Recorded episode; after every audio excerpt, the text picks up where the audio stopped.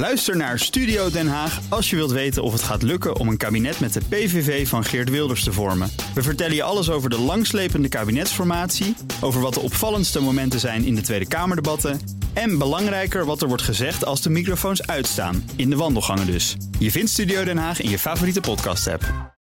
Hammelburg en Haan. We gaan naar de twee grote geopolitieke conflicten van dit moment. Eh, de Gazastrook, er wordt nog steeds gevochten tussen Hamas en het Israëlische leger. En we gaan naar Oekraïne uiteraard, waar het Oekraïnse leger het opneemt tegen het Russisch. We gaan erover verder praten met onze twee duiders. Bernard Hammelburg, buitenlandcommentator. En Geert-Jan Haan, onze Europa-verslaggever. Mannen, goedemorgen. Goedemorgen. Goedemorgen. Zullen we eerst, Geert-Jan, even naar de oorlog in Oekraïne gaan? Want het is de laatste tijd redelijk stil hè, om die uh, situatie heen. Sinds we na 7 oktober met die aanval van Hamas op Israël zitten. Maar hoe gaat het in Oekraïne? Nou, als ik uh, kijk naar de uh, alarmbellen van uh, Kuleba, die volgens hem afgaan, de Oekraïense minister van Buitenlandse Zaken, dan gaat het niet goed. En hij doelt op um, een bijeenkomst vandaag van de Europese ministers van Defensie.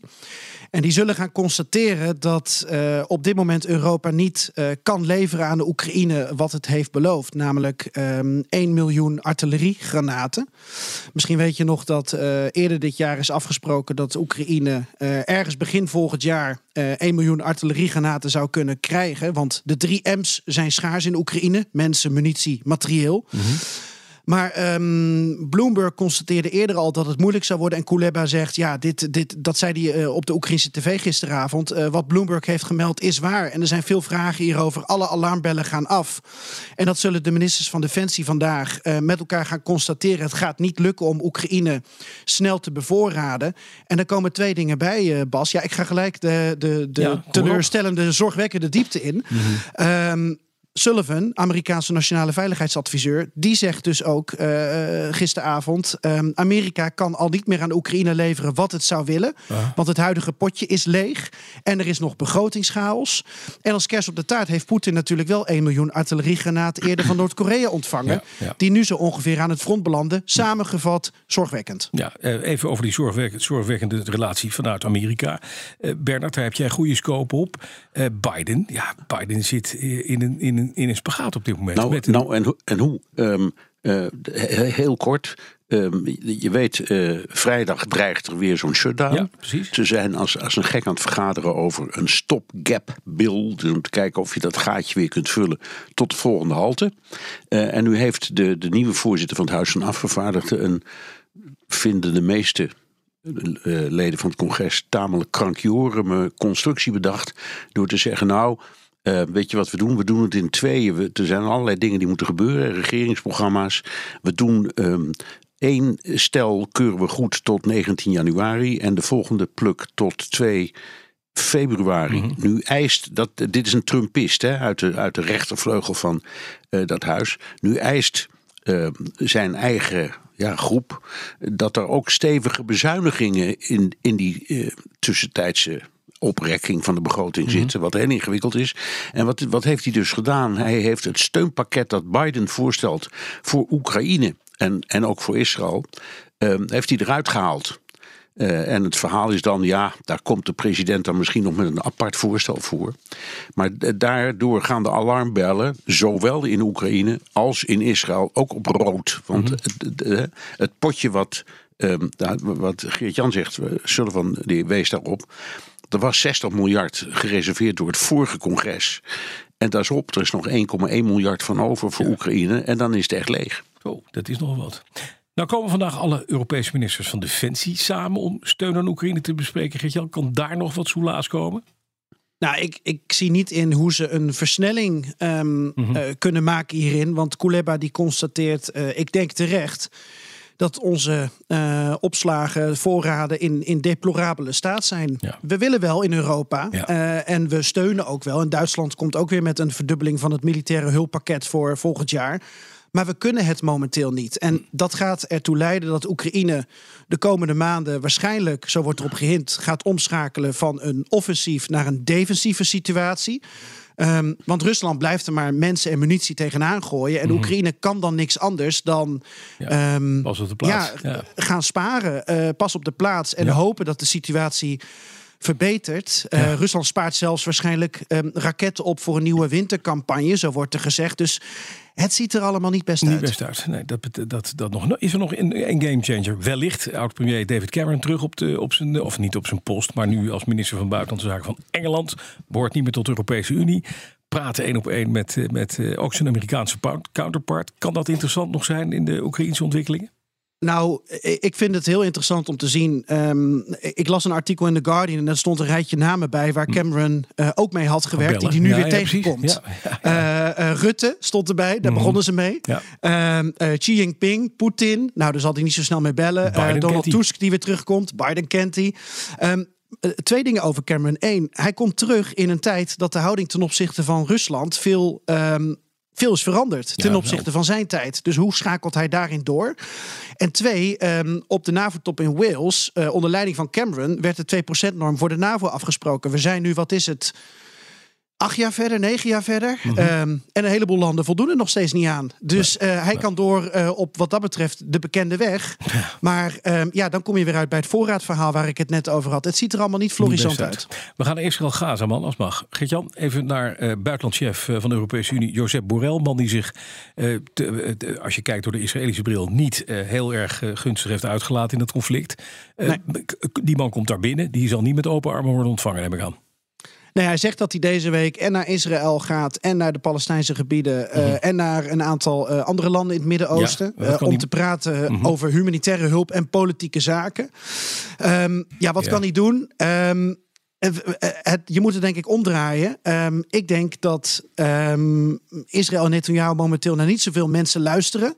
Uh, en zeker niet naar Borrell. Nee. Borrell is toch een Spanjaard die wat meer op de hand is van de Arabische wereld. Die maar blijft pleiten voor de twee-staten-oplossing. Vanuit onze optiek heel logisch. Um, maar vanuit de optiek van Israël nemen ze hem niet zo serieus. En ik weet nog dat er uh, vorig jaar een EU-Israël-top was. Mm -hmm. um, waarbij uh, toenmalig premier Lapid, die toch wat gematigder is dan Netanyahu, uh, al geen zin had in een fysieke ontmoeting met Borrell. Ja. Um, laat staan dat Netanyahu nu op Borrell zit te wachten. Dus ik, ik weet niet of het de juiste persoon is die op dit moment wordt gestuurd. Oké, okay, en over druk uitoefenen, Bernard, eventjes. We hebben Eli Cohen gezien, de minister van Buitenlandse Zaken van Israël. Heeft tegen haar gezegd, joh, de druk is nu nog hoog, nog niet heel hoog, maar die wordt wel vergroot om te gaan praten over zo'n wapenstilstand. Hè? Ja. De Hamas heeft nu voorgesteld, als je ons nou eens uh, onze krijgsgevangenen terugstuurt, krijgen jullie 70 gijzelaars vrij. Maar dan moet je wel vijf dagen stoppen met uh, kappen met schieten. Uh, Netanyahu heeft consequent gezegd, een pauze is goed, maar een wapenstilstand voorlopig niet. maar hoe lang kan Israël dat, die druk, die internationale druk blijven negeren? Nou, druk die ze naar, niet serieus nemen vanuit Europa, maar wel vanuit ja, Amerika. Hè? Als je naar datzelfde interview kijkt van Eli Cohen, die minister met ja. Arets, dan zie je ook dat hij zegt, nou ik denk dat we dit nog een week of twee, drie volhouden. kunnen volhouden. Ja. En daarna wordt de druk zo groot. En je ziet het gebeuren, uh, Bas. Ja. Want ja. Um, je kunt eigenlijk rustig zeggen dat de hele EU, maar zo langzamerhand ook Amerika, als je goed luistert naar de formuleringen van Biden, um, mede als aanleiding, zeg ik niet als oorzaak, maar als aanleiding dat gedoe over die ziekenhuizen. Mm-hmm. Moet, of je die nu wel, hoeveel bescherming die nodig hebben. En, en dat verhaal over commandocentra van Hamas dat onder die ziekenhuizen zit. Ik heb er trouwens gisteren een paar filmpjes van bekeken. En dan schrik je inderdaad, dan begrijp je ook wel iets van ja. het Israëlische beleid. Maar hoe dan ook. Gevonden, ja. ja, hoe dan ook. Cohen zegt iets heel uh, belangrijk is namelijk, ja, dit eh, over een paar weken dan zullen we moeten toegeven aan de druk, want die komt nu echt van andere, alle kanten. Ja. En, en de schreeuw om een, om een uh, staakt het vuren is echt heel groot. Ja. Dus ja. dat kan ik niet meer volhouden. Nog een heel interessant ding. Hè, er is een gerucht, of een gerucht is, is bevestigd, dat um, er wordt gesproken misschien over een rol voor Tony Blair. Oud-Britse premier, die heeft heel lang opgetreden als bemiddelaar in het Midden-Oosten. Dus die kent de materie. En um, sommige verhalen zeggen dat, uh, dat hij daar over is gepolst door Netanyahu. Mm-hmm. Anderen zeggen nee, zo is het niet helemaal gegaan. Maar hoe dan ook, Blair zelf zegt: als ze me willen, dan ben ik dan er. Ben ik er. Ja. Dus, dus dat is ook weer een teken mm-hmm. dat, um, nou ja, ik, ik zeg, de focus begint te veranderen over uh, van het verpletteren van Hamas naar het zoeken naar een wapenstilstand. Precies. Toch, Cohen zegt dit nu.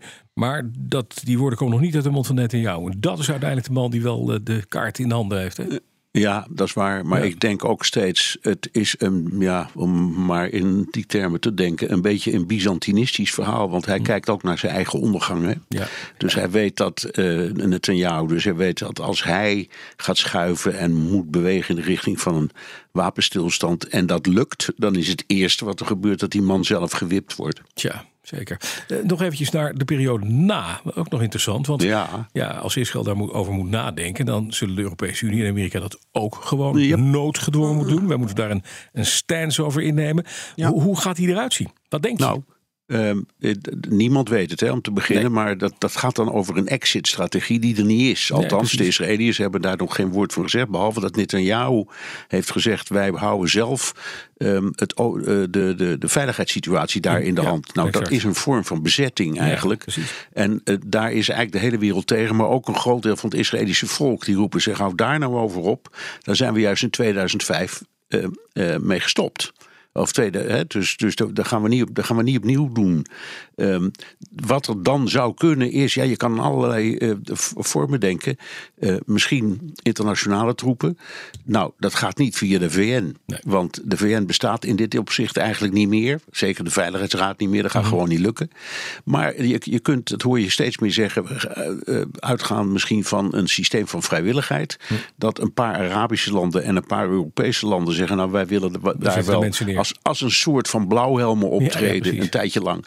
Dus dat zou kunnen, maar niemand weet het. En het is een hele belangrijke vraag. Want je kent de uitdrukking, when you break it, you own it. Ook Diana Matroos vind je in de BNR-app. Ja, inderdaad. Je kunt live naar mij luisteren tijdens de Big Five. Ook handig in de BNR-app. Breaking nieuwsmeldingen, maar ook het allerlaatste zakelijke nieuws. En je vindt in de app alle BNR-podcasts, waaronder Wetenschap Vandaag. Download nu de gratis BNR-app en blijf scherp.